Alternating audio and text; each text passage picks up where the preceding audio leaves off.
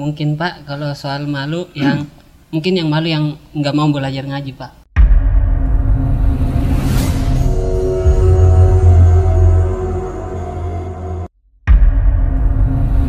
Oke, carikan saja kita pergi mengaji. Alhamdulillah kita mengaji sampai sekarang. Alhamdulillah sudah ikut empat.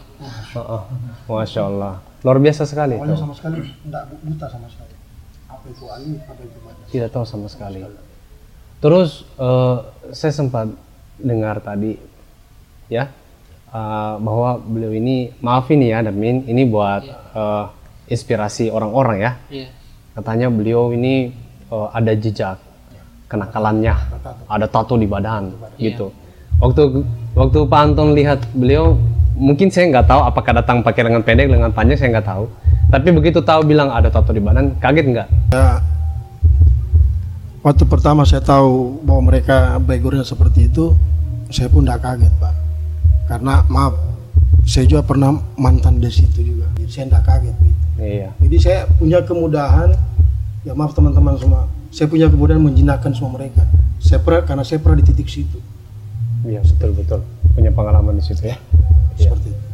Saudara Darmin, eh, orang tua saudara Darmin kaget nggak waktu lihat perubahan Darmin hijrat yang tadinya itu mungkin maaf pola hidup yang sering begadang atau nongkrong-nongkrong nggak jelas tiba-tiba rajin ke masjid hafal Quran kaget nggak dengan perubahannya saudara Darmin Langsung saudara bilang kamu mimpi apa?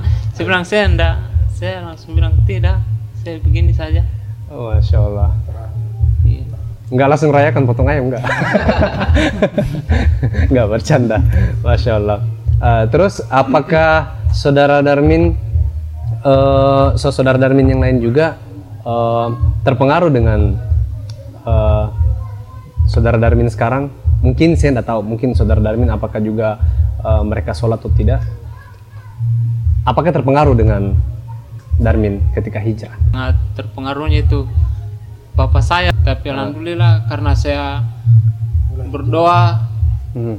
Minta kepada Allah supaya diberikanlah hidayah kepada orang tua saya. Jadi alhamdulillah bapak saya ya sudah sholat juga alhamdulillah sudah, sudah lepas. berhenti juga Iya, berhenti minum juga Mas alhamdulillah di Alhamdulillah. Selalu menarik sekali ini. Oke, eh, sebenarnya menarik ini, tapi kita harus bagi-bagi juga. Saya mau kenal juga yang ini ya, yang lain-lain prosesnya. Sekarang ke ini siapa? Siapa namanya? Hikmah. Hikmah. Hikmah ya? Iya. Eh, De Hikmah. Ini adik-adik nih, jadi saya panggil De Hikmah. De Hikmah bisa diceritain eh, dapat informasi tempat mengaji di Pak Anton itu dari mana dapatnya?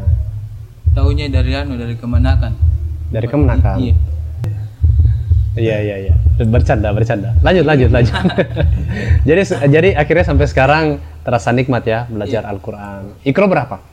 Sudah Al-Quran. Al-Qur'an besar. Masya Allah. Hebat hebat. Ah. Mudah-mudahan istiqomah ya. Iya, Pak. Ah.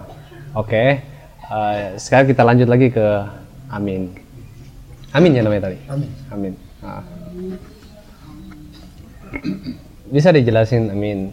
eh, awal mulanya Amin hijrah itu ingin belajar ngaji.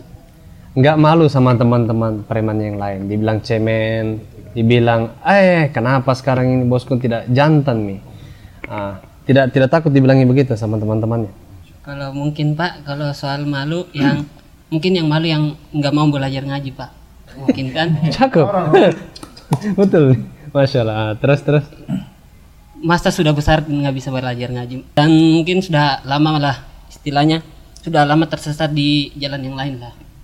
Hmm, jalan yang lain. Kayaknya keras ini.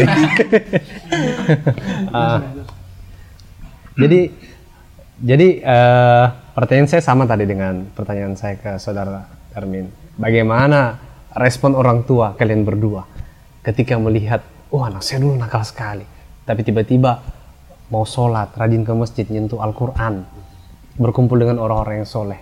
Apa respon orang tua? Sebentar ini, ini dulu jelaskan. Bagaimana respon orang tua? Kalau mama ya sangat respon sekali apalagi kalau sudah selesai isya ya pulang dia tanya tidak pergi mengaji atau ke mana Mhm. gitu sangat support dah tanya terus tiap hari Eh, terus. iya tiap pengajian. Ini kamu datang ngaji ya? Gitu. ya gitu sama juga bapak begitu Heeh. So, saudara yang lain terpengaruh nggak? kalau baru kakak yang cewek Kalian cewek. iya sudah mulai-mulai juga Masya Allah. Sempat didakwahi atau hanya melihat saja amin sholat uh saya juga ingin sholat deh kalau atau sempat didakwahi saya tidak berani juga kalau mau anu kakak kita cuma melihat saja. Masya Allah cakep. Saya tertarik sekali. Jadi memang eh, dakwah itu tidak mesti lewat lisan. Ada kalanya kita berdakwah lewat tindakan. Contohnya saudara kita ini ya adik-adik kita ini.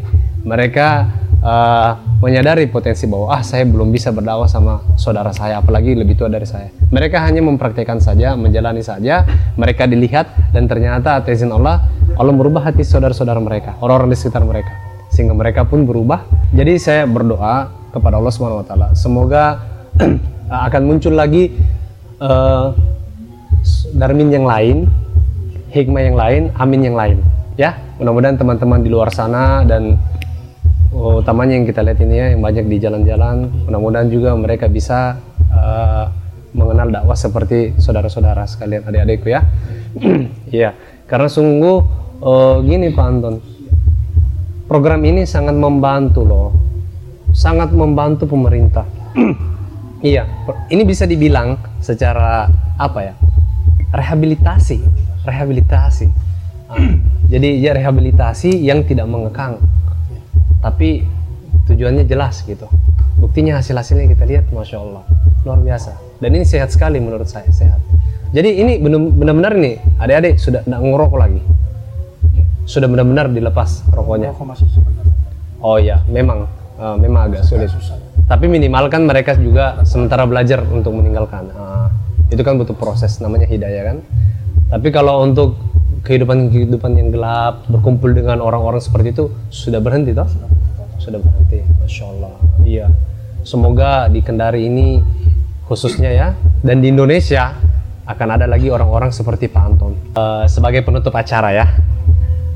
Terakhir, apa harapan Pak Anton eh, untuk yayasan ini dan apa harapan Pak Anton untuk masyarakat Indonesia khususnya Kota Kendari. Ya, baik harapan saya untuk yayasan kami ini moga ke depannya itu semakin berkembang. Amin. berkembang kemudian ke depannya saya punya program eh, membuka kelas khusus untuk mualaf Khusus untuk mualaf. khusus untuk mualaf yang mau belajar Al-Quran Eh, kemudian insya Allah kami juga berharap dari pemerintah setempat ya, kalau bisa kami difasilitasi atau dalam bentuk apa dan rencana rencana ke depannya kami akan bangun lagi sa- satu kelas karena dengan jumlah santri 75 orang tidak muat kalau di ruangan sini Pak. seperti itu. Masya Allah. 75 santri. 75 itu total. total semua ya. Total santri. tidak muat kalau mau nampung sini makanya sesinya itu saya bagi-bagi hari ini hari ini hari ini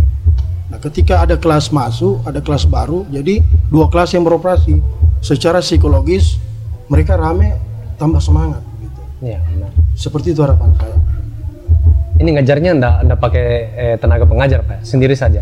Eh, kalau untuk di ya? kelas di kelas Al-Quran cuma saya sendiri di materi tajwid tahsin dan sebagainya cuma saya sendiri tapi kalau di kelas Iqra untuk SD saya dibantu dengan beberapa teman yang sudah hatam di Iqra Oh, masya Allah. Iya. Kalau untuk masyarakat Indonesia mungkin kira-kira gimana? Apakah Kalau untuk masyarakat Indonesia, harapannya juga untuk penonton di rumah? boleh. Kalau untuk masyarakat Indonesia yang belum tahu baca Al-Quran, ayo dekat baca Al-Quran. Karena Al-Quran adalah satu-satunya kitab yang bisa menyelamatkan manusia dan membimbing ke, ke arah kebahagiaan dunia dan akhirat. Iya, masya Allah, luar biasa sekali. Ah, jadi mungkin Pak, kita kasih kesempatan untuk mempromosikan ah, taman pengajian Quran Al- Al-Mutmainah ini, Ya. biar makin banyak yang mengetahui ya Baik. dan semangat ke sini belajar. Ya. Baik masyarakat Kota Kendari, eh, kami dari TPQ Al Mutmainnah bersedia bagi teman-teman atau masyarakat Kota Kendari yang belum bisa membaca Al-Qur'an, kami siap menjadi pembimbing dan berdedikasi untuk mengajar yang belum sama sekali membaca Al-Qur'an. Karena Al-Qur'an adalah eh, salah satunya kitab yang bisa menyelamatkan kita nanti di akhirat. seperti itu Semua golongan Pak ya? semua golongan mau dia anak-anak mau remaja atau bahkan dari background preman se sejahat bagaimanapun ketika dia punya hati nurani untuk belajar Al-Quran kita terima Masya Allah. Barakallahu fiik. Ya, mungkin untuk donasi Pak. Ya bagi donatur-donatur yang ingin me, eh, Menginfakkan harta. menginfakkan sebagian hartanya dan sebagai amal jariah kami menerima donasi untuk membangun kelas berikutnya di TPK Mukmainah ini Ada nomor rekening yang bisa di ada pak Ada? ya, cuman saya tidak hafal. Oh, kalau eh, nomor HP nomor HP 0822 9072 4689 atas nama Pak Anton ya? Oh ya, Masya Allah. Ya, demikianlah bincang-bincang santai kita, kisah inspirasi di Denanya Channel. Kita tutup. Ya, Eh, semoga Anda yang menonton acara ini wawasannya semakin bertambah, semakin luas, dan mendapat inspirasi dari eh, kisah Pak Anton ini. Dan kita doakan semoga santri Pak Anton ini makin banyak, ya. Kemudian juga eh, diberkahi oleh Allah Subhanahu Wa Taala tentunya, dan semakin besar dan jaya pesantrennya. Amin. Mari kita takbir bersama Pak. Allahu Akbar.